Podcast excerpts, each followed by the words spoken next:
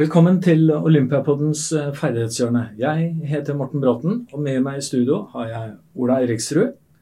Og dagens gjest er ingen ringere enn sjefen sjøl, gitt.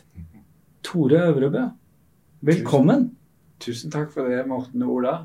Setter veldig pris på at du sa ja takk til å komme til oss. Eh, Det setter vi stor pris på.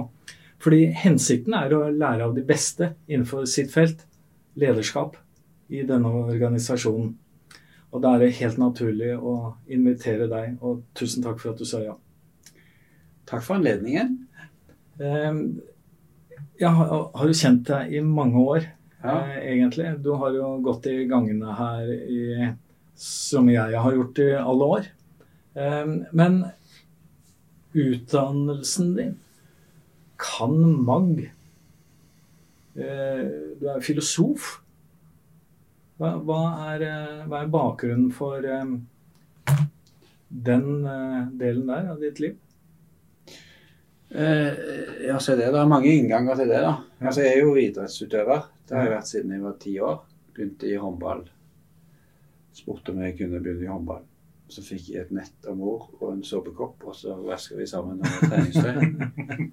og så hadde jeg det nettet på styret og sykla ned til Hellandshallen. Og så var jeg i gang, da. Viking håndball. Slutta der, for det var en kultur som er, var litt krevende i Olje-Norge. Det skjedde mye på den tida som var ganske Texas. Og så begynte roklubben, og det var litt tilfeldig. Så det er jo idretten har jo vært der helt siden jeg var en liten guttunge, og det har vært på eget initiativ. Og det har kun vært mitt prosjekt. Det har aldri vært noe familieprosjekt eller noe sånt. Da har, idretten vært mitt fristed på et vis. Så det har vært uh, den og den delen. Eh, men når det gjelder utdanningen, så er det jo litt forskjellige måter å forstå den på. Altså Det ene er jo sånn passe karakterer, da. Ja. Eh, hadde lyst til å bli økonom. Hadde ikke Ah. lyst til å bli noe idrettsfag. Aldri hatt ambisjoner om idrettsfag. Jeg har diplomtrenerkurs fra 94-95 på. Rinore som sjef. Ja. Ja. Arne Lier. Pelle. Eh, Frank Inger. Alex Visnes. Altså den generasjonen. Legendene. Ja, ja. ja. Gode gamlegjengen. ja, ja. Ja. Mosebok. Innføring i første Annen Mosebok, kanskje. Den første var vel Gjersettergjengen som sto for det. Annen Mosebok. Det var jeg, da. Så det er det jeg har idretts, idretts, eh, idretts, formell idrettskompetanse. Ja. Men eh, eh, jeg skulle bli økonom. Eh, jeg kom ikke inn på Handelshøyskolen. Jeg ville studere sosialøkonomi. Eh, sosialøkonomi var et åpent studie på den tiden. at Du kunne bare begynne. Betale semesteravgift et eller annet sted ute i semester og huske på å melde deg opp til eksamen. Det var de formelle kravene. Så avla du en eksamen, og så gikk det bra eller dårlig. Og så var det på'n igjen da, hvis de gikk dårlig. Men, eh, og det var først det, og så var det historie, for jeg var interessert i Jeg syns at historiefaget var litt vel dogmatisk, litt sånn eh, religionspreget. Masse sånne forutsetninger som jeg ikke trodde på, som eh, jeg kom fra sånn arbeidermiljø i Stavanger.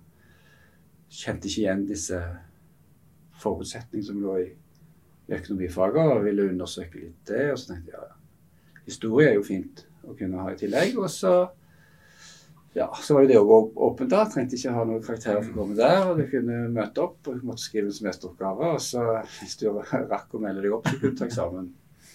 Og så når jeg var ferdig med historiefaget, så oppdaget jeg at det er jo forutsetningen for faget som interesserer mest, ikke faktaene. Og da tenkte jeg at hvilket fag kan man undersøke det? Jo, det må jo være filosofi, det da. Så ble jeg værende der ganske lenge. Og de første årene jeg var i Bergen, da studerte jeg jo parallelt med idrett. Mm. Og, så slutta jeg å ro, og så var jeg student noen år og jobba med disse problemstillingene. Så, så har jeg hatt en sånn idrettstrener. Altså jeg har vært trener òg. Ja. Jeg slutta å ro sjøl i 1990, og i 91 så var jeg Allerede i 91 så var jeg trener både for, klubblag og i junior-VM. Og i 92 så var jeg eh, assistent, assisterende landslagstrener i roing. Så jeg var i Barcelona. Allerede to år etter jeg ga meg som aktiv, så var jeg trener i Barcelona. leker i Barcelona. Ja. Ja. I 1992, ja. Ja. Han var trener for et lag der som ble nummer sju, sammen med landslagstreneren der, som var Frank Hansen. Og så hadde jeg litt pause hvor jeg studerte mer, og så ble jeg litt klubb- klubbtrener i Bergen. Og så fikk jeg plutselig en henvendelse om at eh, de trengte en som kunne være, holde i landslaget, da. Ja. Og det var i eh, høsten 96, og så begynte jeg da i februar 97. Så da Så jeg gikk jo for å roe, da. Og rodde de forteste årene var 88-89. Og så var jeg trener allerede på et OK eh, i utøvernes prestasjonsnivå. Mitt prestasjonsnivå kan vi jo snakke om senere, men utøvernes prestasjonsnivå var relativt høyt. Og så har det vært sånn. Ja. Og allerede tidlig, når jeg ble landslagstrener, så fikk jeg jo et stillingsinstruks. Det var du skal enten være på vannet med roerne, eller så skal du være på Olympiatoppen. Du skal iallfall ikke være på forbundet. Der er det ingenting å hente. Så da var jo jeg mye på Ja. Derfor var jeg mye her. sant? Ah, jeg trodde du allerede var i en posisjon jeg, den gangen. Her. Du, du var jo for så vidt det, men gjennom Roforbundet. I Roforbundet, ja. Først fram til 2004. 2004. 2004. I Aten da slutta jeg som landslagstrener. Ja. Og så begynte jeg her.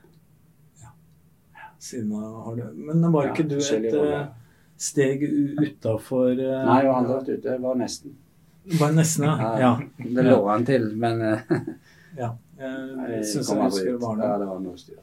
Men Ja. jeg har vært her hele veien siden 2004.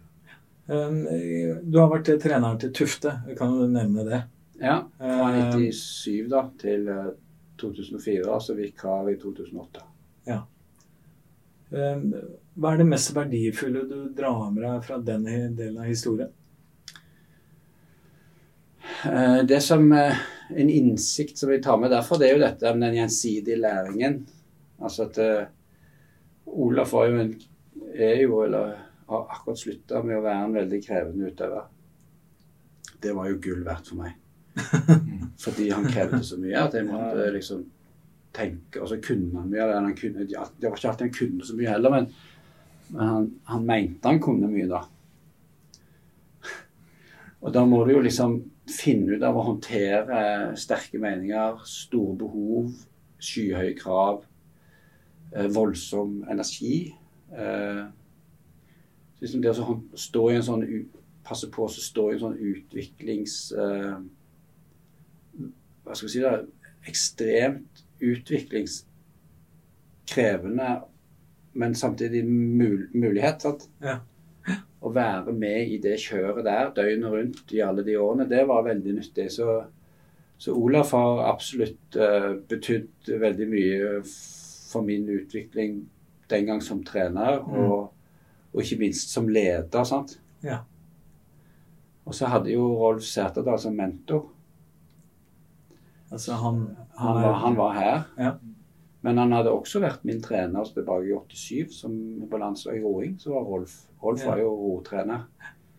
Så han fungerte jo som en slags Først var han trener, så var han en mentor i alle de årene frem til han dessverre døde, da, i 2002, var vel det kanskje? På våren der. Og da Så jeg hadde jo han da som Jeg kalte meg jo selv for trollmannens læregutt. For han var jo ekstremt god på struktur og systemer eh, på det nivået som gjaldt på den tida. Og så var det meg da som liksom var denne human part oppi denne trekanten. For han var jo veldig system og sånn. Folk må jo passe inn i systemet. At det, kroppen vet ikke forskjell på konkurranse og trening. Altså sånne typer sånn Veldig sånn. Så jeg tenkte jo det vet jo Om ikke kroppen vet forskjell, så vet iallfall hodet ja. Ja. Utøver. Vært mye mer opptatt av sånn, sånn mer sånn eh, trygghet og psykologisk trygghet og utviklingsmiljø og den type ting. Og så, ja, så det var, det var viktig. Olaf var viktig for min utvikling som både trener og leder. Da, da Det var jo noen andre òg der, da. På det Ja. landslaget. Det var jo en del andre utøvere inne. ja, som hadde sin påvirkning, ja. Ja, ja. ja. Og, som jeg påvirka. Ja. Noen var sikkert veldig fornøyd, mens andre er jo da helt sikkert ikke fornøyd i det hele tatt. Men sånn er det jo. Ja, det er jo treneren, trenerens rolle, holdt jeg på å si. Ja, og når det går dårlig, så er det jo lett å altså, legge en del på meg. Og det er sikkert vel fortjent òg, men det er jo aldri hele sannheten. Ikke når det går bra eller når det går dårlig. Ja. Vi, vi er inne på grunnpilarene i ditt lederskap. Du har, Ja. du har toucha inn, på det. Um, er det noe mer du har lyst til å si om liksom, hva ligger i bunnen for deg som leder i dag? Du har sagt noe om historien og hva den har gitt deg.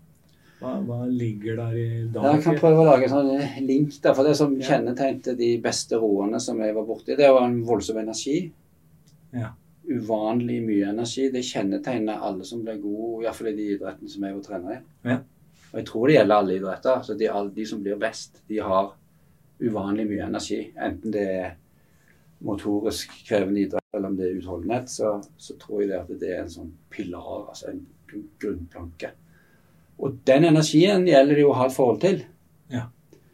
Eh, som trener og som leder. For det er om å gjøre å ikke stå i veien for den.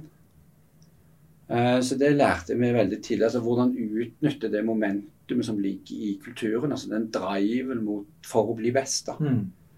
Eh, hvordan være med å gi den en retning istedenfor å bestemme. Å være sånn sjef, liksom. Vi skal gjøre sånn, og vi skal gjøre Noen ganger må du gjøre det, men det går mer på ramma. Altså, vi skal møte opp der, og vi skal delta der, og liksom Nå er det trening, og nå må du skru båt. Altså den type ting. Men energien som er driveren i utviklingen For uten den så blir jo ingen god. Nei. Og Da gjelder det liksom å forvalte den energien, både sånn at det kanskje blir mer av den, kanskje slipper du løs, eller temmer den, eller er med å gi retning. Og Det er det viktigste elementet. Ikke stå i veien, gi retning. Ja. Så hvis du klarer det over tid, å holde den innenfor en sånn Kall det rød tråd, eller ja. Noenlunde retning. Da kommer det noe godt ut av det. Og da kan du jobbe med detaljene oppå det, men det nytter ikke å jobbe med detaljene uten at du har den energien eller den retningen. Og da får du også dette med eierskapet, utøverens eierskap til sitt Ja. prosjekt. Det blir jo en del av den samme energien. sant? At du ikke tar fra de prosjektene og sier nå skal vi gjøre sånn som jeg sier, men at det blir mer, mer det å være med og gi retning og sørge for at det er motivasjon til det. da. Ja. Og det tenker jeg har noe med lederskap å gjøre, uavhengig om det er utøver eller ei. Det er om å gjøre ikke ødelegge for de andre Ja. som er med i, i kulturen. Det har noe med å være med og stimulere og gi fornuftig retning. da. Der er du inne på noe som vi snakker veldig mye om, Morten. Eierskap. Ja. Hvordan, hvordan er det du liksom, Noen eksempler på hvordan er du ei- eller ga eierskap i den, i den rollen? Hva følte du var noen sånne kriterier der? Det er klart, den energien Energien ja. er en viktig sånn pilar, som du sier. Men i den prosessen videre, da, er å på en måte guide den Ehm, eh, åpenhet for andres innspill enn dine egne, f.eks.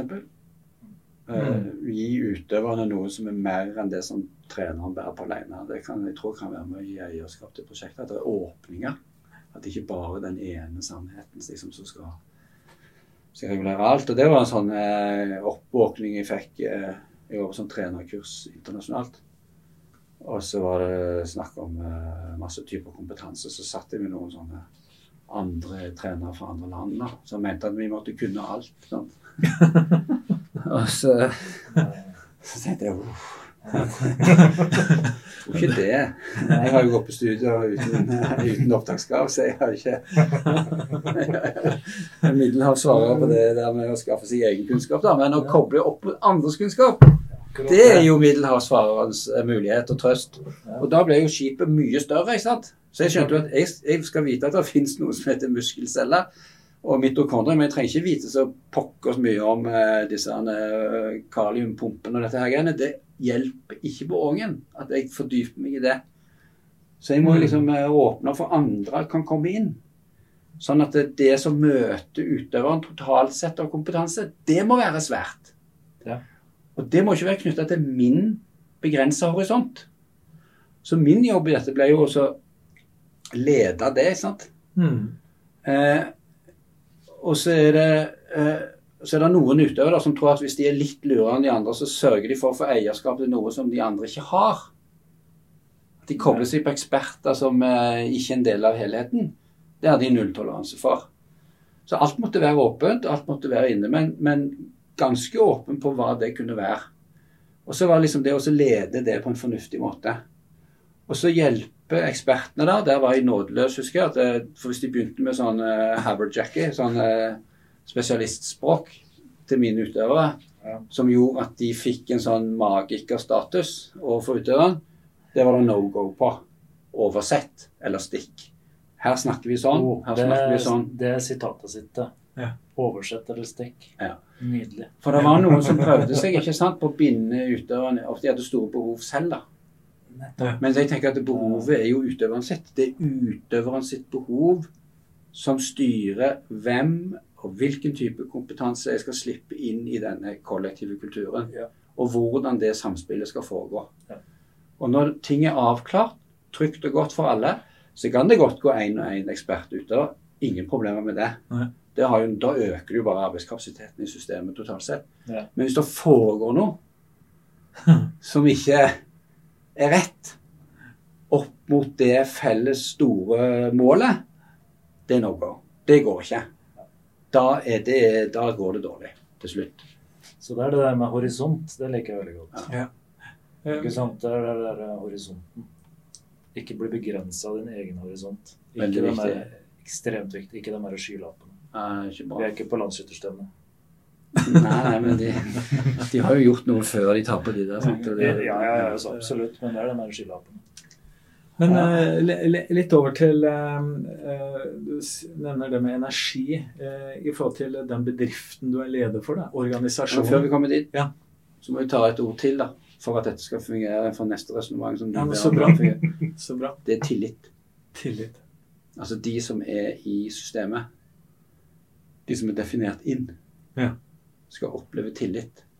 Sånn at de kan utvikle ting med en viss psykologisk trygghet i bånn. At her er det lov å prøve seg fram. Det er lov å gjøre feil. Eh, du har ansvar for det. Da ordner du det. Du har ansvar for det. Da ordner du det. Du har ansvar for det. Da ordner du det.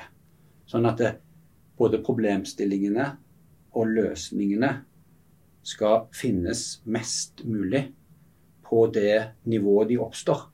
Eller i den delen av organisasjonen det oppstår. Mm. Og så må man som leder da tørre at folk søker løsninger. Og så får man håpe at tilliten er gjensidig, sånn at de søker sparring. For at de ikke velger løsninger som driver de ut av kulturen eller ut av målområdet som vi snakker om, eller horisonten, Ja. som du ser. Hvis de drar de vekk derfra, så er vi på, da blir tilliten noe annet. Da blir tilliten bare dårlig, dårlig styring, dårlig oversikt. Men innenfor den felles horisonten, størst mulig tillit, problemstillingene defineres og løses der de er. Og så får man ha en annen type sånn sparring på helhet. Eller at man tar i bruk andres erfaringer. Er snakker vi da om verdibasert ledelse, eller åssen Ja, absolutt. Ja.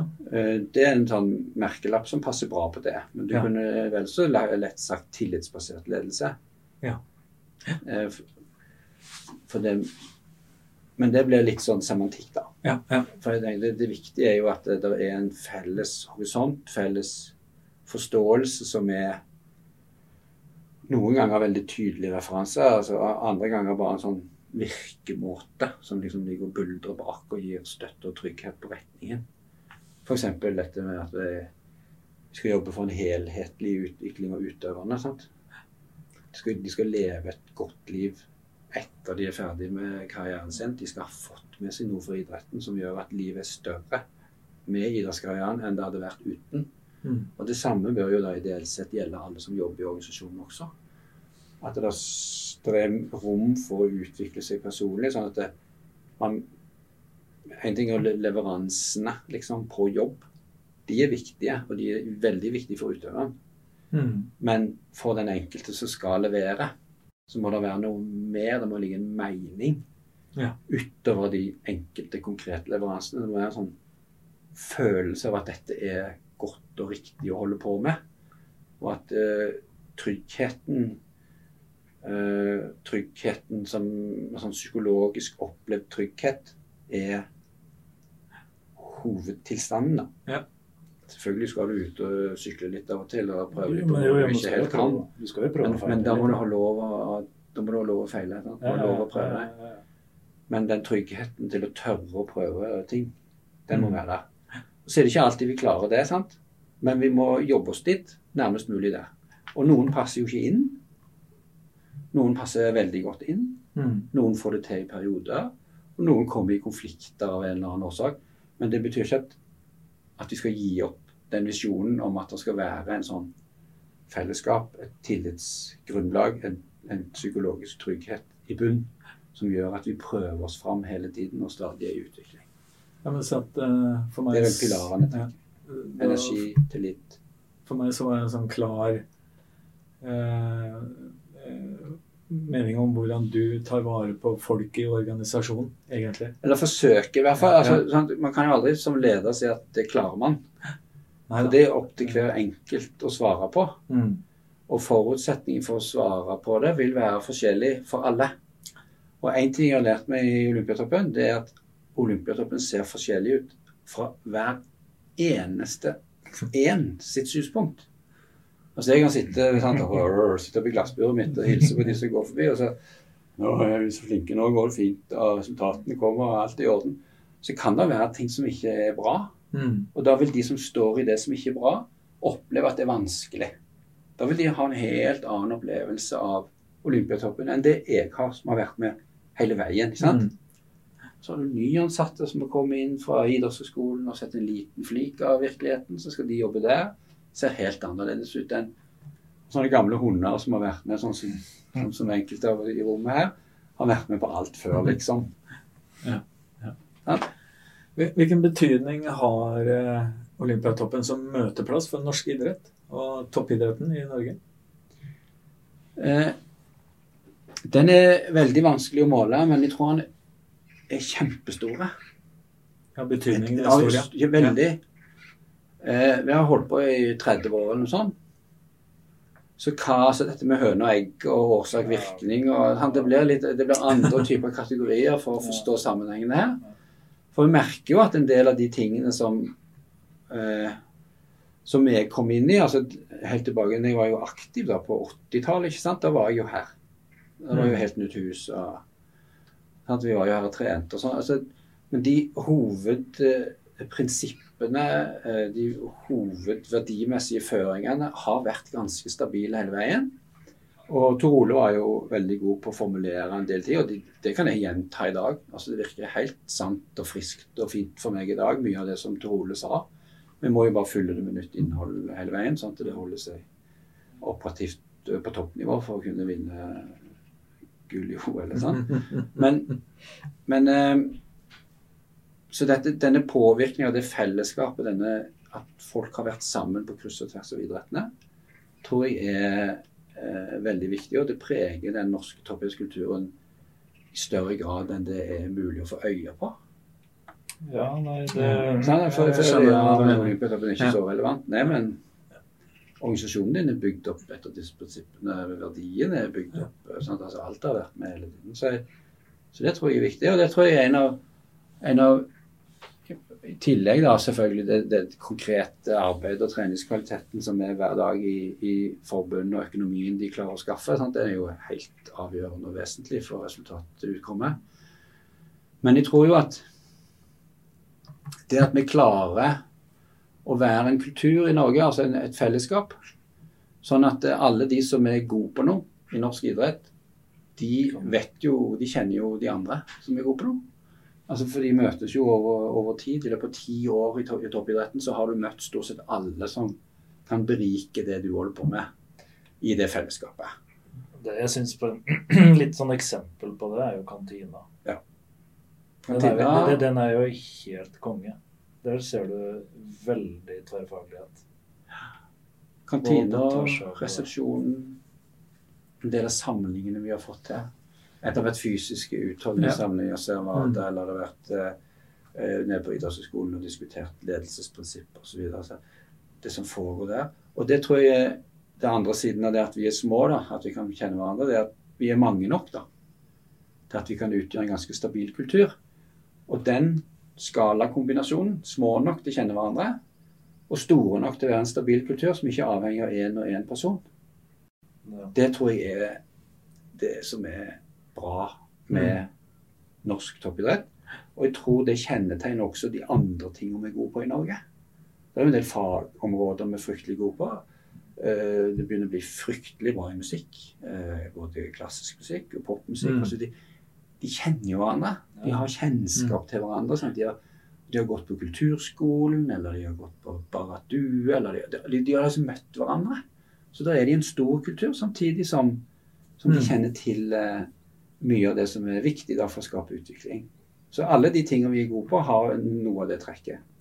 Og du ser jo, jeg tenker på bare jeg var nede i motorikksalen der i går, eh, Morten. Mm. Var det jo utøvere på kryss og tvers i felles gruppe. Ja. Et lite mikrokosmos Nettopp. på det du snakker om. Litt over til eh, Vi begynner å nærme oss uh, lekene og eh, OL i Tokyo og, og Beijing. eh, Og Paralympics. Og Paralympics ja. I begge Ja. byene. ja. Eh, men, De kom jo eh, tett denne gangen, da, Ja. syns jeg. Ja, det, det regner jeg med. Du er jeg glad, jo- for, jeg synes glad for å være hjemme igjen, tenker jeg. Ja, jeg syns synd på hele huset som har vært engasjert. Altså først korona som rammebetingelsene, og så åt, på åtte måneder fire svære mesterskap. Altså det er jo en del funksjoner her som er ganske dratt i strikken. Ja. Så vi må jo være romslige nå en stund, syns jeg. På Ja. da, det, Jeg sa for to år siden i et sånt fellesmøte vi hadde på Teams, at dette, de neste to årene kommer til å være de mest krevende to årene i Olympiatoppens historie, og det tror jeg er veldig god dekning for at jeg sa den gangen. Men eh, hva har vi greid i de to årene? For å snu litt på det, da. Ja, så prestasjonsmessig Ja. så har det jo vært helt massivt. Ja. Det, er jo, det er jo en drøm. Mm. Og det tror jeg har Det er en kombinasjon av eh, oss og idrettene og Mm. holdninger i idretten. Hva som skjedde når pandemien kom. Måten de tenkte utvikling på fremfor å legge seg ned og dø. Så var det liksom Hva gjør vi med dette da? Så du fikk, noe, en, du fikk en hel treningssesong, mer enn du ellers ville fått. Så mange av utøverne at de fleste skadene og trøbbelet kommer jo på høy intensitetstrening og konkurranser. Mm. Når du tar vekk konkurransene, sånn som vi gjorde i mange idretter, så fikk du jo en helt vanvittig treningsperiode. Og en anledning til dette. Og når idrettene snudde dette fokuset Oi, nå er alt over, til å være OK, hva skal vi bruke denne perioden til som utvikling? Så fikk vi før Tokyo en enormt fin utviklingsperiode med mye trening. Og det samme preger også vinteridrettene. Samme type fokus. Utvikling, god tid til trening, god tid til ferdighetsutvikling i litt lengre perspektiv. Og det tror jeg vi klarte litt bedre enn veldig mange andre nasjoner. Ja. Og derfor så har vi gjort det veldig bra i den vanskeligste perioden. Og det er, tror jeg har også noe med hva er det som motiverer utøverne våre? Hva er det som motiverer trenerne i Norge kontra Mm. en del andre land? Og det er jo denne indre motivasjonen på hvor god kan jeg bli i denne idretten, da, man tror. At det, er en, det kommer fra en dugnad, det kommer fra en frivillig idrett. Noen har valgt å satse på idretten fordi de kjenner at dette gir de mye, Mm. eller at de ser at de mestrer noe som de er gode til. Så, så kommer motivasjonen herfra.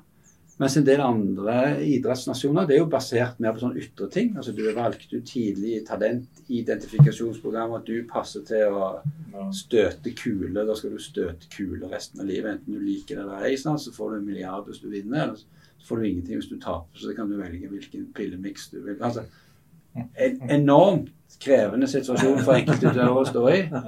Mens hvis du kommer fra et idrettslag, og du er fortsatt medlem i Altså avstanden Mm. mellom klubben og OL-gull er jo ikke-eksisterende i Norge. Det er, samme, det er to sider av samme greie, men det er det ikke i et system hvor du er valgt ut som 20-åring på grunnlag av genetisk analyse, liksom. Og så må du bare holde på med det. Og da er det mye vanskeligere å motivere folk hvis de er ytremotivert, Ja. når målet faller bort, eller belønningen faller bort, enn de som er i denne idretten, for å se hvor gode de kan bli. Jeg har valgt idretten for å realisere mitt potensial. La oss nå se hva som kan skje. Er dette svaret ditt når du blir intervjuet av eh, New York Times? Jeg skulle til å si Ja. det, ja. Det har vært en god del sånne internasjonale artikler og reportasjer rundt det her. Er, er Ja, det er en del av svaret? Ja, ja, det er en del, absolutt en del av svaret. Eh, men det der skjedde jo egentlig Det var midt i Pyeongchang. Det kom opp første gang. Ja, jeg husker det. For da begynte det så Når vi kom halvveis i Pyeongchang, så var jo jeg leder for troppen. kjefte mission. sant? Mm. Wow, dette går, dette går bra. Mm. Ingen eh, tegn på at noe skulle ryke. Alt var trygt, godt. Eh, Utøverne viste glede for hverandres prestasjoner. Eh, trener og leder var i balanse. Så på hverandre med varme i blikket. Sant? Det er ikke, ikke fiendskap. At dette kommer til å rulle og gå. Nå er vi i gang, liksom. Så tenkte jeg da at eh, Så ble jeg spurt av noen eh, Ja, hva med den norske suksessen og sånn. Så tenkte jeg nå må vi bruke dette til noe annet enn å bare sitte og si at det er fordi at Olympiatoppen har så flotte lokaler. Eller, eller høye lønninger. Eller er så teknologisk eh, helt i spiss, liksom. Jeg kan liksom ikke dra den, for det blir jo ljug. Eh, men kanskje hvis jeg snakker om verdiene som preger hele norsk idrett, Ja. så kan det være at disse medaljene kan komme noen unger på andre sida av jorda til gode gjennom at noen idrettsledere roer litt ned og lar ungene få lov å drive idrett på ungenes egne premisser. For det tenker jo jeg er selve grunnpilaren i den norske suksessen. Det at vi driver med dette fordi vi har lyst. Og hvis det gjelder for 20-åringer, så gjelder det sannsynligvis for 44-åringer òg. Mm. Sant? Ja, ja. Alle eh, og, og det er en del av de Hva er det Olympiatoppen betyr, og hva er det ditt betyr? Ja. Nei, men Olympiatoppen sammen med barneidrettsrettighetene, sammen med sant? Det er denne typen kultur at vi driver med dette fordi vi har lyst, og vi er nødt til å oppføre oss ordentlig med folk, for de er her helt frivillig. Og vi skal utvikle hverandre i et fellesskap. Så da tenkte jeg at men hovedmotivasjonen for å snu på det der og bruke mye tid på det, istedenfor å snakke om hvor gode vi er på å foredle de aller beste prestasjonene. For det er vi jo òg, sant? Er- Barneidretten, toppidretten, samme verdisystem. Helt forskjellige virkemidler. Superprofesjonelt på toppen, dugnadsbasert i pyramiden. Det er liksom sammenhengen her. Mm. Men hvis vi kan få en uten å, altså Poenget er ikke å fortelle andre hva de skal gjøre. Poenget er å fortelle hva som preger vårt system, og håpe at det smitter litt. sånn at det er noen unger, kanskje noen hundre millioner unger, får det litt bedre med idretten. Mm.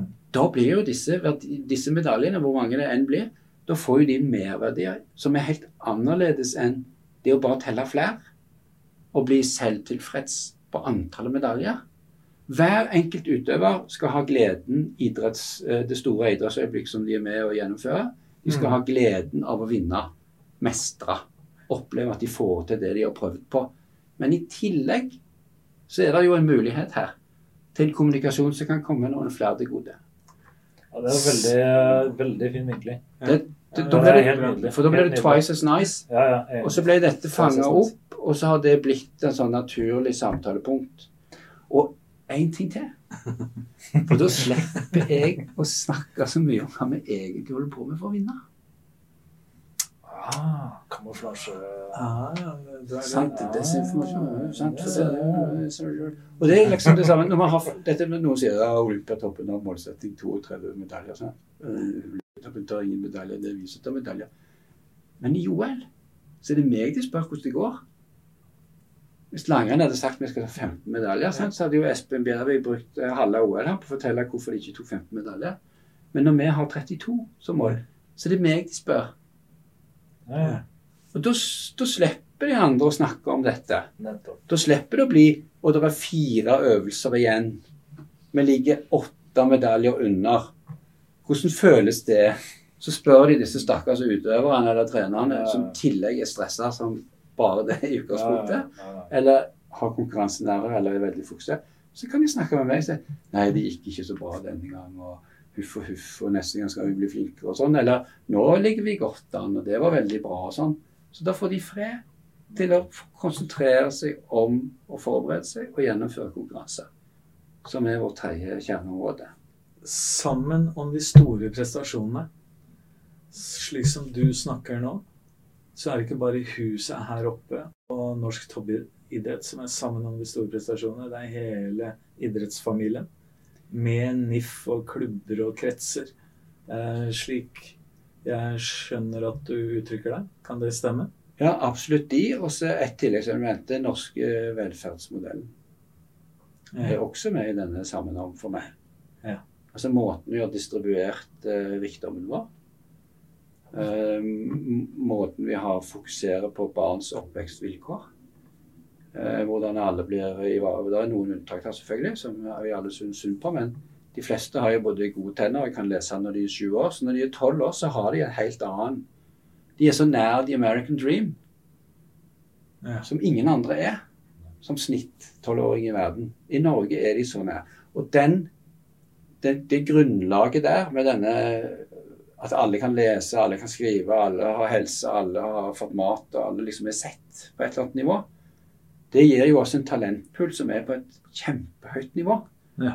Og det er en del av den norske toppidrettssuksessen, tenker jeg. Så, så sammen om Det er temmelig mange, det. Ja, I Norge. Det var en god Er Det er på Ja. det, egentlig. Um, For rich kids gjør det bedre i idrett enn fattige i snitt. Og da mener jeg ikke fattig som i Altså Vi har et ganske likt velferdsnivå på, i forhold til nødvendighet. Det betyr ikke at det ikke er forskjell på formue, men i forhold til hva du kan bruke som livskvalitet, Ja. så er det veldig mange som har del. Og det gjør det jo om faren ikke tjener to millioner òg, så har du jo du har jo mat og sted å bo og sånn i Norge. Det er det ganske mange som i andre land i verden ikke kan ta for gitt. altså. etter Tokyo og Beijing, så du har sikkert en masse inntrykk av, av de prestasjonene du var innom. Eh, Hva er du mest stolt av? Uff da. Ja, det ikke, og da mener jeg ikke nødvendigvis enkeltprestasjoner, men liksom, hva er du mest stolt av når du ser tilbake til de store prestasjonene og det Norge har gjort? da? Eh, ja, nå er det Dette blir jo en slags personlig Altså, jeg er jo en cog in the machine. sant? Jeg er jo eh, et ledd i et stort system. Og jeg, jeg opplever jo ikke at jeg skal ta veldig mye ære for, for eh, det som har skjedd, men det er ofte meg det nå, da, siden jeg er leder for troppen. at når folk sier Men du kan være stolt av noe uten å ta æren Ja, for det. nettopp. Ja. Det er viktig. Og det som Det å lykkes så til de grader på Altså, Det er jo litt som medaljeulykker, da. Jeg har jo jobba hardt sammen med andre for, å ta medaljer i hele mitt eh, voksne liv, så jeg, jeg er jo ikke uberørt av, av vinnerøyeblikk. Og, men det som, er, det som jeg kanskje er gladest for, da, det er jo å se eh, utøvere når de får det til. Ja. Altså det, og når vi er så godt forberedt som vi er i mange av de øvelsene som vi stiller opp i, så det å få det til er det samme som å vinne eller ta medalje i mange tilfeller. Sant? Det er en sammenheng der, da. De er på så høyt nivå at når de får det til, så tar de medalje. Men bare se hvor glad de blir når de får det til. Mm. Om det er den første medaljen Ingen medalje. Det trenger ikke være medalje heller. Det kan være åttendeplass eller femte. Alt dette er ut- forutsetninger. Men gjerne den fjerde gullmedaljen òg. Altså, når du ser liksom Og når du ser lagkameratene Altså denne gnisten i øynene, da, som du på litt floskelaktig kan nesten kalle for kjærlighet. Når du ser den flammen der, den varmen som ligger der, og også inn i de små feiringene i troppen, i gangen, liksom. Når du ser hvordan de ser på hverandre liksom, med den respekten og, og litt beundring og litt kjærlighet og litt sånn konkurransefaen. sant, Neste gang skal du Den der, den er helt, helt fantastisk. Så kommer det jo til uttrykk da på litt forskjellige måter, men i de små, intime rommene så, så, er, de, så er det sterkest nærværende. Men også det bildene altså når, når Herman og Birk gir hverandre en klem før gullrønnet. Før gullrønnet. Så er det et eller annet, altså. Måten de er i lag på inn i den prestasjonen. Mm. Med en sånn nærhet. En sånn intimitet i relasjonen. Eh, da kommer den psykologiske tryggheten og denne evnen og viljen og disse forutsetningene til virkelig kunne overgå seg sjøl i den viktigste konkurransen. Fram til nå i livet så skjer det fordi at det er en sånn type stemning i de relasjonene. Det, det syns jeg er flott med på. Og det ser jeg på deg når du tegneforklarer her, Tore. Det ser jeg på deg. altså. Det er, eh, det er noe som pre preger deg på en god måte. Um, du har sikkert eh, planer, og du har sikkert analysert uh, framtiden. Eh, liksom hva Hvilke fallgruver ligger der nå, og hva er det du som toppidrettssjef eh, liksom, hva, er hva hva er neste steg nå, Tore? Fra de voldsomme prestasjonene, hvis jeg kan kalle det det, som vi har hatt. dvs. det vil si antall medaljer og enkeltprestasjoner og det du har observert. Ja, da kan jeg jo sitere en eh, tidligere iallfall engasjert, om ikke ansatt, eh, Kjetil André, som sier 'det neste er den beste'. Ja. Så det er liksom det å få bekreftelse på at noe har gått bra, er jo ikke det samme som å si at du skal gjenta det.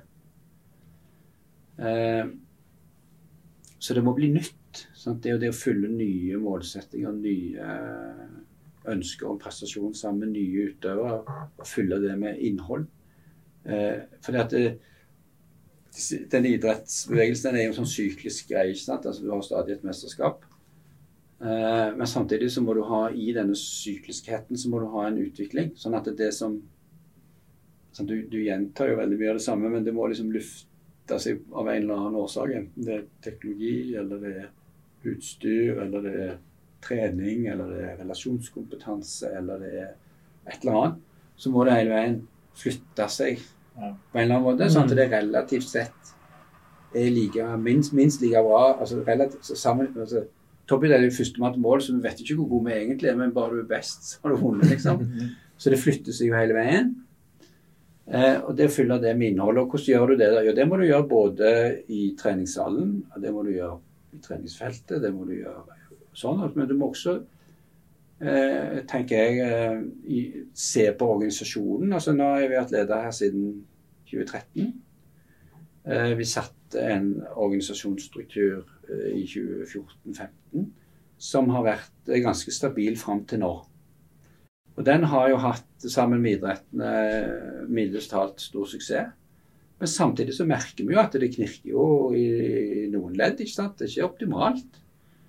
Eh, Så da var det veldig bra at vi fikk den eh, eksterne evalueringen i 2021. Mm. Vi, vi ba om at jeg tok initiativ til at Ja. jeg ville ha en evaluering av Olympiatoppen. Ekstern. Den skulle ha vært etter Tokyo. Nei, den skulle vært etter Beijing. 22. Så fikk vi dette nullåret hvor det ikke skjedde noe. 2020. Så da Ja. ba jeg om at den kom da. Eh, sånn at vi ikke skulle vente to år til før vi liksom begynte å se på dette. For jeg føler at det er behov for å, å kjenne på en del ting. Og det, det er vi jo i gang med nå, da. Det som vi kaller for OLT videre. Det er jo en sånn organisasjonstrimming.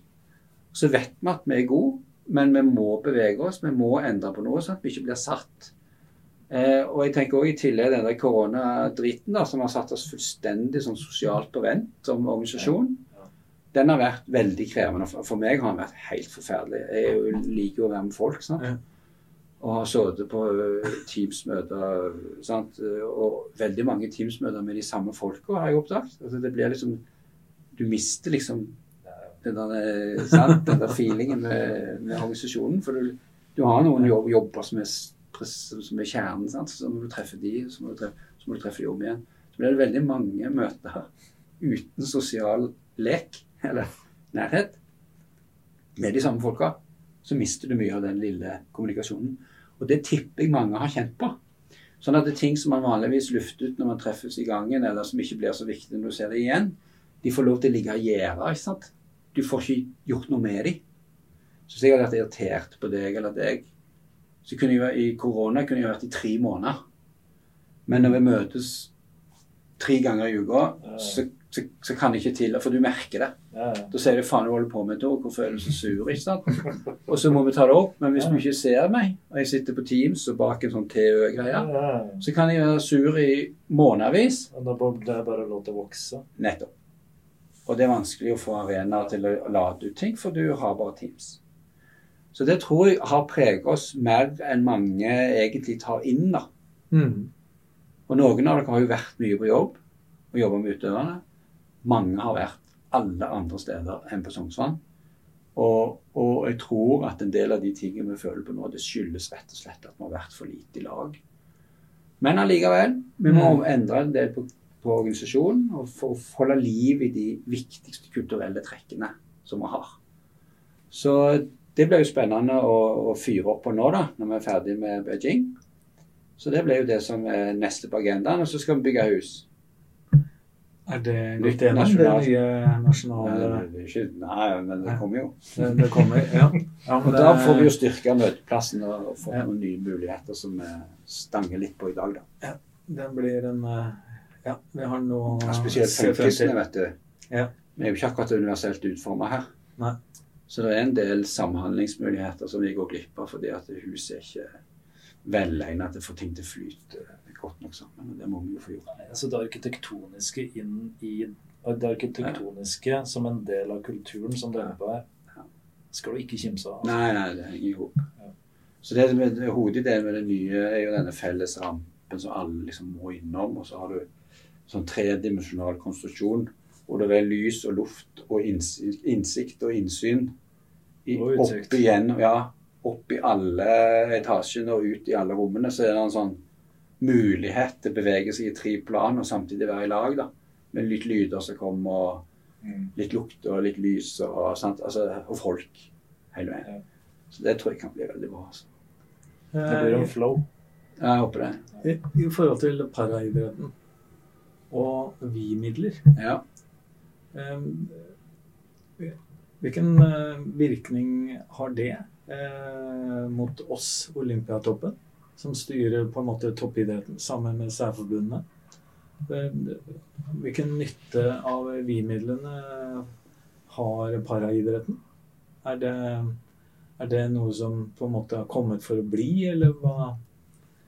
ja, det er jo litt endringer på innretningen der. Nå er det mer sånn søknadsbasert. Vi får det som vi trodde vi skulle få i 2022. Det får Ja. vi. Men eh, framover nå så blir det en sånn søknadsbasert ordning som, som vi skal koordinere. Da. Men det er idrettene som søker, så skal vi koordinere det inn, Ja. inn mot en, eh, en søknadsbasert ordning i stiftelsen. Og så får vi se hva som kommer ut i det. At det er noen vurderinger som skal foretas i stiftelsen som ikke blir foretatt hos oss lenger. Så får vi se. Men eh, det, det er jo in- in- intensjonen i stiftelsen om å være noe som varer lenge, da. Mm. Ja. Så det ligger jo en økonomisk mulighet, en ressursmulighet i vi-midlene. Ja. Eh, eh, det som eh, Og det òg må jo balanseres, da. Altså, for det er jo ikke midler som skal erstatte noen andre midler. Så det skal jo være en vekst på parasatsingen.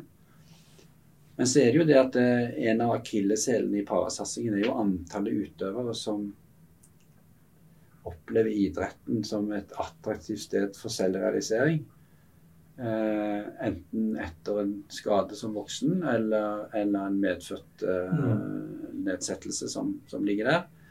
Det, som, så vi, det er jo litt vondt for oss å ha som en sånn overordnet ambisjon at det skal bli så mange som mulig i Paralympics. Eh, For vi har jo en samfunnsmodell som gjør at eh, talentpullen til Paralympics er ganske begrensa. Yeah. Og det er heldigvis lite ulykker, eh, lite fødselstrøbbel, altså alle disse tingene her. Og det må vi jo holde på som samfunn. Ja. Men det har noe med å få opp andelen som ønsker å bruke idretten som, som selvrealiseringsmulighet. Den må vi jo få opp. Og så tror jeg at vi må måle oss enda mer på hvordan vi klarer å fylle opp den enkelte parautøveren optimalt sett opp mot den typen funksjonsnedsettelse som ligger der. Og i tillegg opp mot dette mystiske klassifikasjonssystemet som de har i Paralympics. Det er jo for meg en svart boks. Sender et menneske ut, så kommer det ut en kategori i andre enden, og noen ganger så får du to forskjellige. og sånn. Der er det mye Der er det litt arbeid å gjøre, da. Sånn at konkurransevilkårene blir enda mer rettferdige enn det er i dag. da. Jobber Norge som idrettsnasjon eh, for å forbedre det? Ja, vi har forskning Ja. på det, fra, Ja. også fra, med midler fra stiftelsen i Ja, med midler derfra, Så jobber de jo med, med, med å analysere disse funksjonsnedsettelsene, hva slags konsekvenser det har for altså både typen skader og hva slags muligheter man har for trening. og da, Det vil jo kunne spilles inn på et senere tidspunkt inn i denne klassifikasjonsdebatten. Men så må vi også så Dette med like muligheter, sant? det har jo to sider. Hvis det er sånn at det, man kanaliserer midler inn på en lit, relativt tallmessig liten gruppe. Eh, eh, og så er det en tallmessig stor gruppe som kanskje har det enda verre økonomisk, som skal være Så vi må liksom tørre å diskutere hva som ligger i begrepet like muligheter, sånn at det ikke blir ulikt andre veien. da. Så det, det blir en sånn balansegang som vi må, må tørre å gå inn i. Over til eh, en annen balansegang. Helseprestasjon. Ja. Hvor, hvordan eh, du som eh, toppsjef eh, Hvordan balanserer du det i organisasjonen og idretten?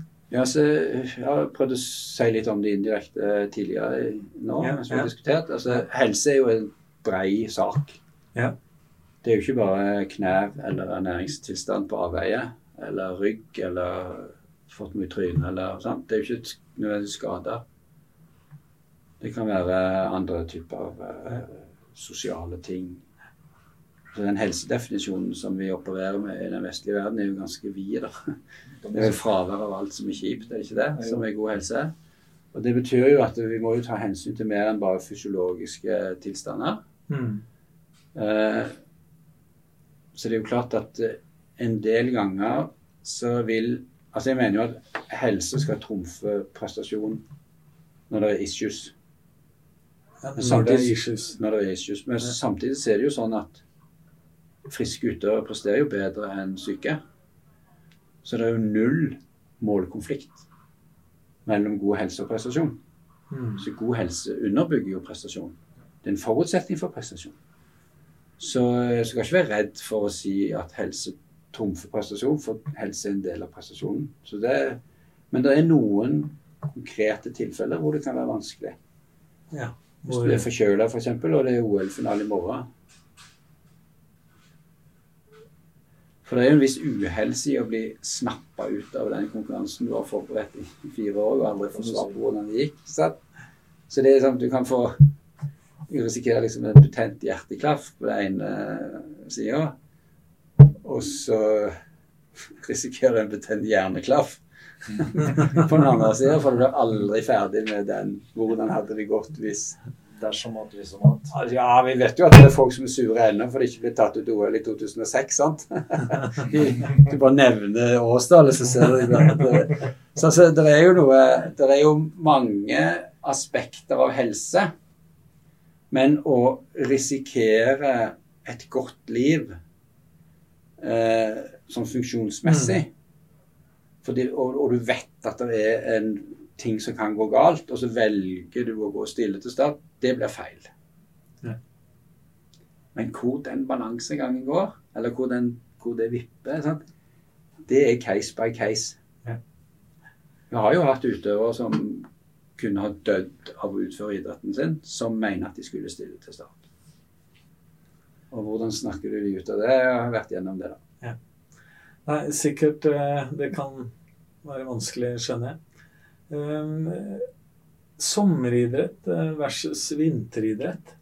Ligger det noe Opp å se hva er, Ligger det noe Når jeg sier versus, eh, ligger det en god balansegang eh, mellom eh, sommeridrett og vinteridrett i forhold til eh, satsing, eh, økonomi, rammebetingelser osv.? Eller er det en eh, versus mer enn en eh, balansegang? Jeg tror at både vinteridrettene og sommeridrettene har glede av at vi er gode på begge årstider. Mm. Så det er jo ting å hente. Det er mye likheter mellom idrettene, enten det er snø eller ikke snø. På noen idretter så er det mye av den samme tenkning. og sånt. Det som kjennetegner vinteridretten i Norge, da, det er at de i snitt, da, med noen unntak, har jo en mye bedre markedstilgang. Altså de NRK har jo sendt vinteridrett fra 1.12. til jul på en måte som gjør at ingen andre TV-kanaler trenger å satse noe på den perioden.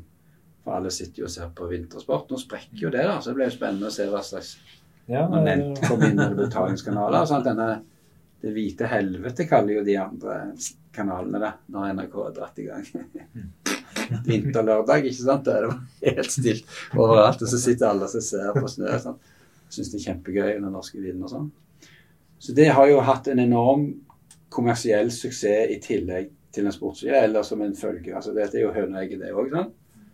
Så vi har jo den kommersielle suksessen til vinteridrettene fordi at det er populært. Ja.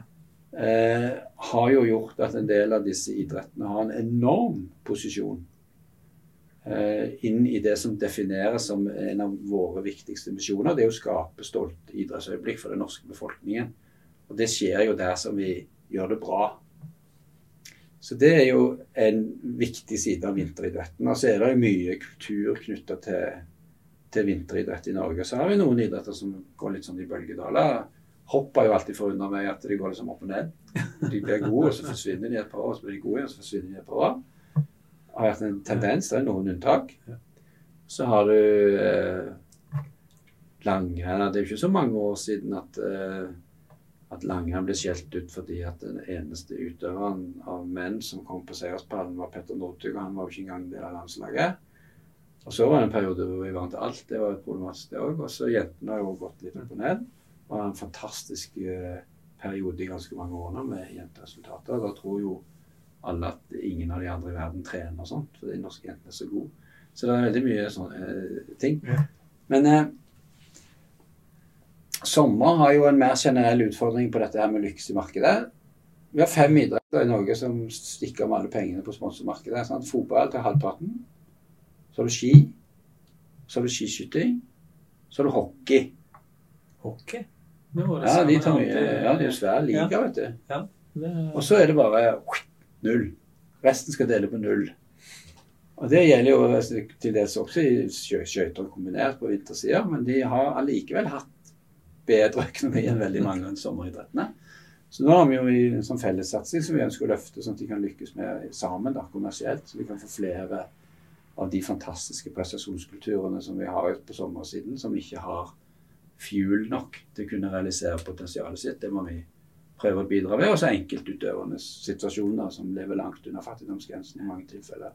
Det kaller vi forsømmet 2024 da, som felles ja. markedsopplegg. Så det, så det, er jo en forskjell. Men, men hvilke kulturer som er de mest utvikla, det er jo veldig vanskelig diskusjon å begynne å tutle i. Jeg er jo også formann i idrettsgallajury fordi jeg er toppidrettssjef. Så det er jo alltid en fornøyelse å sammenligne olympiske gullmedaljer på kurs og tvers av idretten. Sant? Skulle, skulle gjerne vært uh, flue på veggen der. Når, ja, det sier NRK òg. Det hadde vært verdens beste sånne såpeserie. Det å ha en sånn reality, da. Å ha liksom et kamera inni det juryrommet hvor, hvor alle sitter i dyp respekt for disse prestasjonene. ikke sant? De er jo kjempemisunnelige for at de er så gode, og så skal vi begynne å skille.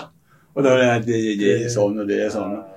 Og så er vi seks-sju stykker som stemmer. Da. Så blir det sluttsubben. Så det er, det er jo ingen der som tør å stå på gata og si at den idretten er mindre verdt enn det. Det er jo ikke der vi er. Det er jo helt umulig oppgave. Sant?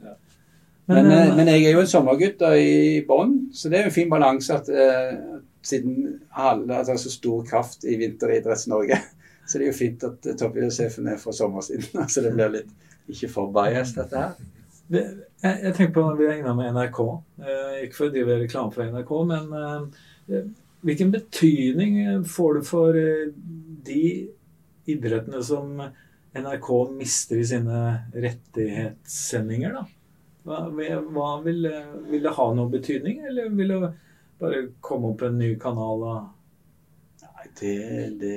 Har du noen formeninger rundt det? Nei, det syns jeg er veldig vanskelig, for det er så vondt å spå. Ja. men men skal vi ikke spå her? Eh, Nei, vi skal ikke spå, skal men, ikke... men, jeg tenker iallfall at uh, Altså, vi, vi, gjør det veldig bra i toppidretten. Og, og så har jeg sagt at vi har velferdsmodellen som mm. en forutsetning. Men det er også en annen forutsetning. Det er at uh, AS Norge går veldig godt. Ja. For de aller, aller fleste pengene som kommer til toppidretten, kommer via kommersielle samarbeid med næringslivet. Det er jo der det big money. og Det er derfor noen av utøverne er mangemillionærer når de slutter. Mm. At du kan ha landslag som kan rulle og gå med masse ansatte og reise rundt i hele verden i år etter år. Det er jo penger som, de, som kommer fra markedsarbeid. Så vår modell er veldig sterk nå fordi at vi er et rikt land og har et næringsliv som både går godt, og som bruker idretten Mm. eh, til en måte å, å ja, Enten det er charity, eller det er profilering, eller det er interne prosesser. Sant? Altså hvordan de bruker det. De punger ganske friskt ut da, for å være med på en del av idrettene. Så det er jo en hoveddriver finansielt i det toppidrettsunderet som vi står i nå, da.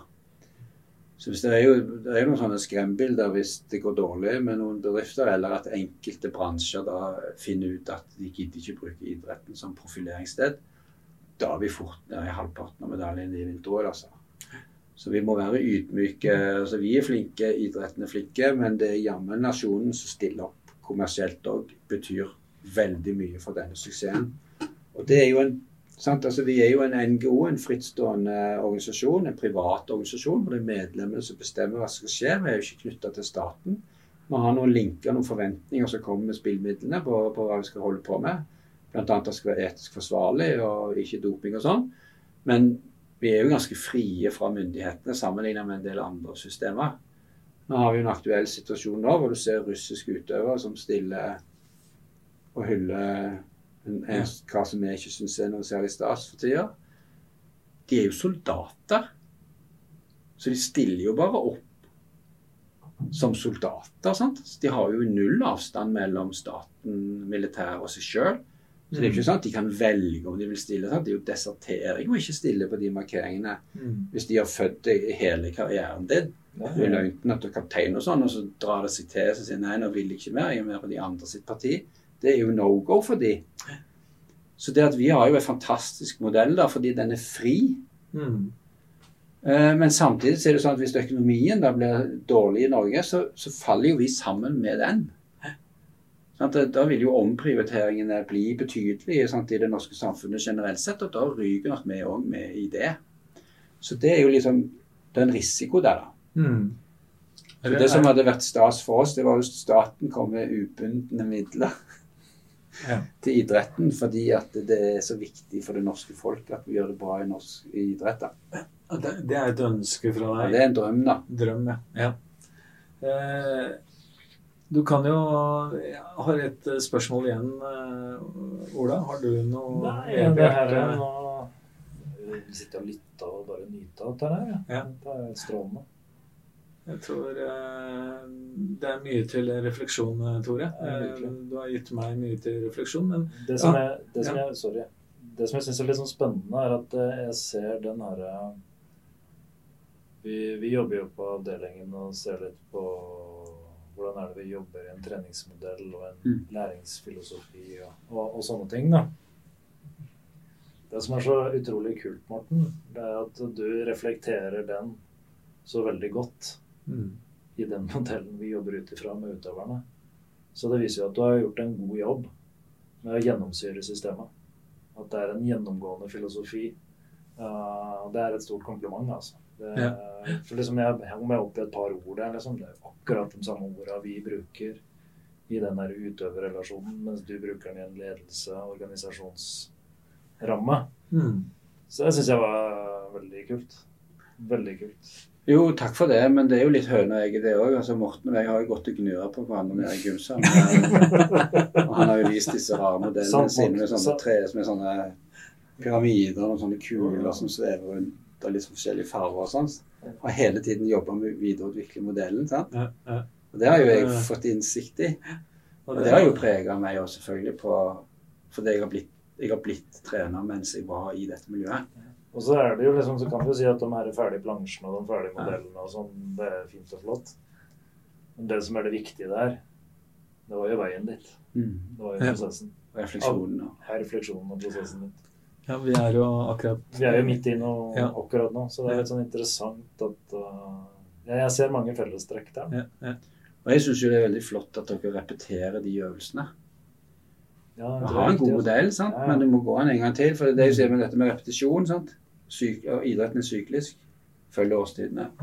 Worldcupene kommer på samme helg og sånn. Mm. Men det er liksom du Allikevel så må du ha en utvikling i Sånn at du ikke gjør sånn, liksom. Sånn som enkelte universitetslektorer eh, gjorde. sant? At de sitter sånn. Så kommer de da ved semesterets slutt, Så gjør de sånn, og så neste gang så er de litt gulere, de arka. Og ti år senere så er de nesten ikke leselige, men de sier på en måte akkurat det samme. Men hvis, men hvis de da, som individer, jobber med dette selv om papirene er gule, så kan jo allikevel betraktningen være ferske. For hvis de hele tiden tenker at repetisjon er en mulighet til å fange opp nyanser, ting som skjer i Ja. virkeligheten, nye forutsetninger som kommer opp, så har du jo i den refleksjonen, så ligger jo, også- eller i repetisjonen, Mm. så ligger også utviklingen. Ja, jeg er helt, helt enig i det. Og så er det noe med i den repetisjonen For vi har alle våre er du sier, alle her på Olympiatoppen har en måte å se Olympiatoppen på. Det samme gjelder jo f.eks. treningsarbeid, for eksempel, da. Du, har jo, du tenderer jo mot noe. Mm. Og fordi du har en kompetanse for Altså det er masse grunner til det. Men da noen ganger også gå ut og så se Å ja. Ja, stemmer det. Det var noe borti her, ja. Tilbake til horisont. Mm. Litt sånn sirkelkomposisjon her, men tilbake til horisonten din. Ut ifra ditt, eh, din rolle, ditt lederskap, eh, så er det ett spørsmål igjen. Eh, Det handler om eh, ledere slash trenere for barn og ungdom. Hva bør fokus være? Liksom, dine anbefalinger ut til norsk idrett, grasrotidretten. Du har jo sagt hvilken betydning eh, breddeidretten egentlig har for det som skjer her oppe. Eh, Så da har du kanskje noen meninger også om eh, anbefalinger. Kan gjerne kalle det det. Ja, den viktigste anbefalingen er vel å holde fram som man stevner på et vis. Altså, det er så mange verdier i det systemet som vi har bygd opp. Vi må bevare det mest mulig. Eh, og unngå å privatisere det for tidlig, for da blir det dyrt. Og da faller andelen som deltar, som en stein. Så da går vi fra 93 til 33 i løpet av fire år, hvis det blir mye betaling her. Så dette med idretten, eller økonomi som barriere, som jeg syns at norsk idrett har håndtert veldig bra, egentlig, det må vi holde, fortsatt holde fokus på. Og så er det en ting som er ganske vanskelig. det er Altså, de som ikke opplever mestring tidlig, eller blir gode, altså early bloomers Early bloomers vinner i vårt system. For de blir lagt merke til, de blir plukket opp, de får tilleggstrening, de får mer oppmerksomhet. Så har du de som kanskje er litt eh, later bloomers, eller ikke bloomers i det hele tatt. Det kan jo skje. At vi hadde hatt litt større kapasitet til å ta vare på de. Sånn som med baner og haller og sånn. sånn at eh, de forsvinner for tidlig ut. Ja. Fordi at eh, kapasiteten Det er så jæklig mange av meg, ikke sant.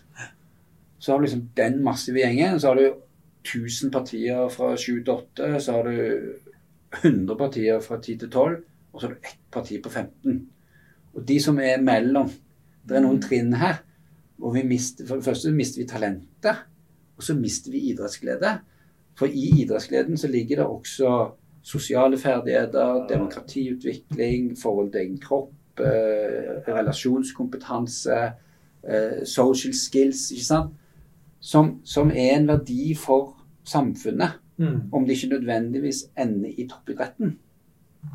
Så det tenker jeg det der, det der skulle jeg sett at vi klarte. At det var flere lag på Ekeberg for jenter og gutter som har begynt med fotball som syvåringer, også når de er 16. Ja. Og du ikke må være så jækla god i Hvis du ikke kommer inn i landslagsskolen med disse lagerfrakkene hvor de går med sånn peker Han er god på det, han er god Men du måler ungene, liksom, for å ytterligere bli kvitt noen. Hvis du kunne klart oss å snu litt på det Ja, nei, Det tror jeg er verdt stas, altså. Det, det der er jeg Jeg ser på det der eh, altså Det er jo noen Vinteridretten står jo sterkt, vi vært Og jentene òg taper jo ekstra mye på dette. For de kom inn i en sånn livsfase hvor de liksom ikke opplever mestring. Og holder du på med det ennå, det er jo ikke blitt god, så slutter de. Og det, det ble jo denne knekken på pyramiden. altså Vi sliter med sant, at det er mye færre jenter som satser på toppidrett. Mm. Ja, når det er færre jenter som satser på toppidrett, ja, så har du færre treneremner. Så har du færre eh, lederemner på kvinnesiden fordi at det var færre som fikk toppidrettserfaringen, eller det nivået rett under. Så denne, å løse denne floken der, det Det er blir sånn dominoeffekt der. Ja, det gjør det. Følgevirkning. Ja. Nei, for jeg ser jo f.eks. det der med haller. Ja. Og halvflater. Uh, nå kan jeg reflektere rundt Oslo på, på det her, men hvis det hadde vært bedre med halvflater Du kunne jo ha fylt opp dem lett Ja, ja. Nettopp. med ufattelig mye aktivitet. Og da kunne du hatt flere grupper innenfor en alder som da kunne favna om flere. Og det der med late bloomers, hvis du tenker toppidretten, men ikke minst det der folkehelse. Ja. Så det der der bør- Idrettsleken som en del av hverdagen i en litt lengre, større del av livet. Ja, ja, nei, jeg håper jo bedriftsfotball senere i dag, så det Ja. er et eksempel på det. vi kan jo bare ta en siste ting da, i forhold til det med kvinner i norsk idrett. Eh, eh, du har sagt eh, noe om det. Er det noe vi kan Og det handler om på lang sikt. Eh, er noe vi kan gjøre på kort sikt for å fylle opp eh, med flere kvinnelige ledere, trenere, eh, toppidrettsutøvere? Er, noe vi kan eh, på en måte eh, ikke slukke branner, men gjøre på kort sikt, så, så har vi en påfølgende langsiktig virkning. Ja, Vi har jo eh, et mangfoldsprosjekt på gang nå, og vi skal inn og støtte noen helt spesifikke eh, ledertalenter på kvinnesiden. Ja. For å gi dem et utviklingsprogram og eh, økonomi til å kunne holde på mer enn de ellers ville ha gjort. For å se om vi kan løfte noen. Mm. Det som, det som hele veien er utfordringen, det er at vi kan ikke treide guttemedaljer med jentemedaljer. Det er jo ikke sånn at vi kan ta færre guttemedaljer for å ta flere jentemedaljer. Sant? Vi må få flere jentemedaljer, for det er flere jenter som satser på toppidrett. Og at vi kan ta flere medaljer til sammen. Og, og det er jo sånn, hvordan, hvordan skal ressursallokeringen forvalte både de guttene som vil, altså de skal jo ha Mm. muligheter, og få plass til flere jenter, det er jo den store. Altså, vi tenker jo automatisk mer tilførsel av ressurser. Ja. Eh, men det er ikke sikkert vi får til det, da. Så eh, hadde vi hatt den nøkkelen, sant, så hadde vi gjort det for lengst. For det er jo ingen her som ikke ønsker at flere jenter skal synes det skal være attraktivt med toppidrett som utøver, som trener eller som leder. Alle vil jo det. Mm. Eh, når det er sagt, så, så tror jeg at eh, vi også skal lete litt etter Siden vi er så mange gutter, da, så er det nok en bias på guttetenkning. Som jentene i tillegg til å være få, så må de forstå eller akseptere eller synes det er gøy med den guttetenkningen. Altså, hvem er vi? 50 pluss mannfolk som uh, forteller vitser, liksom? Hva slags vitser er det vi forteller? De kommer gjerne fra en garderobekultur med veldig mange gutter i. Sant? Så det er jo litt sånn Fin den. Ja, også når vi ikke forteller vitser. Altså, hva er det liksom, hva er det, hva er det altså, metaforer, og bilder hvordan? Så vi må jo tørre liksom å gå litt i oss sjøl. Og det var litt av det som vi ser på en del utøvertyper som kommer opp nå. Så er de mye mer det du kan si androgyne i uttrykket. Eh, Både gutte- og jentesiden. Altså de, de, de, de er ikke Altså de, de tør å være åpnere i forhold til sin egen identitet, da, enn kanskje de mest eh, tradisjonsbundne guttemiljøene liksom med guttastemning hele forbanna tiden. ikke sant? Så det er liksom ikke rom for språkutvikling, eh, dette med å jobbe med følelser, eh, relasjoner altså det, liksom, det blir fort sånn vinn og tap, Mm. maktkamp, eh, istedenfor at man at man i guttemiljøene også blir flinkere til å anvende større deler av personligheten. da, Sånn at du kan få plass. Og da, er det også, da, da vil det bli mer av det som kanskje jenter trenger større plass til å kunne leve i, i et fellesmiljø også. Mm. Det er litt mye guttastemning i norsk idrett. Og det gjør at eh, jentene må både ha sin egen greie, og så må de overvinne den guttastemningen. For den er ganske støyende og, og dominerende når, man er på en, eh, ja, en samling da, på en eh, idrettslagshytte f.eks. Hvis det er mye guttastemning i en avdeling, så er det vanskelig å være den andre gjengen. da. Så vi må jo se på oss sjøl og på hva vi oppmuntrer til av oppførsel, og hva som er Ja, det tror jeg er veldig, veldig bra. Eh, takk for eh, den refleksjonen, og takk for eh, den totale eh, samtalen. Ja, må få snakke litt Ja, det- åpent og fritt om eh, Men det har vært, ting. du har jo fanga om ganske mye. Du har en bredde i, i ditt hode som er fascinerende i det lederskapet. Så takk for at du ville dele det med oss. Og lytterne, ikke minst, som eh, kommer til å trykke denne episoden til sitt bryst. Får håpe det kan være til inspirasjon. Og jeg lar meg gjerne delt, altså, engasjere i dialog og diskusjon om disse tingene. For det er viktig hvis du skal lykkes i framtida og være åpne for en ny virkelighet som seg hver dag. Tusen takk, Tore.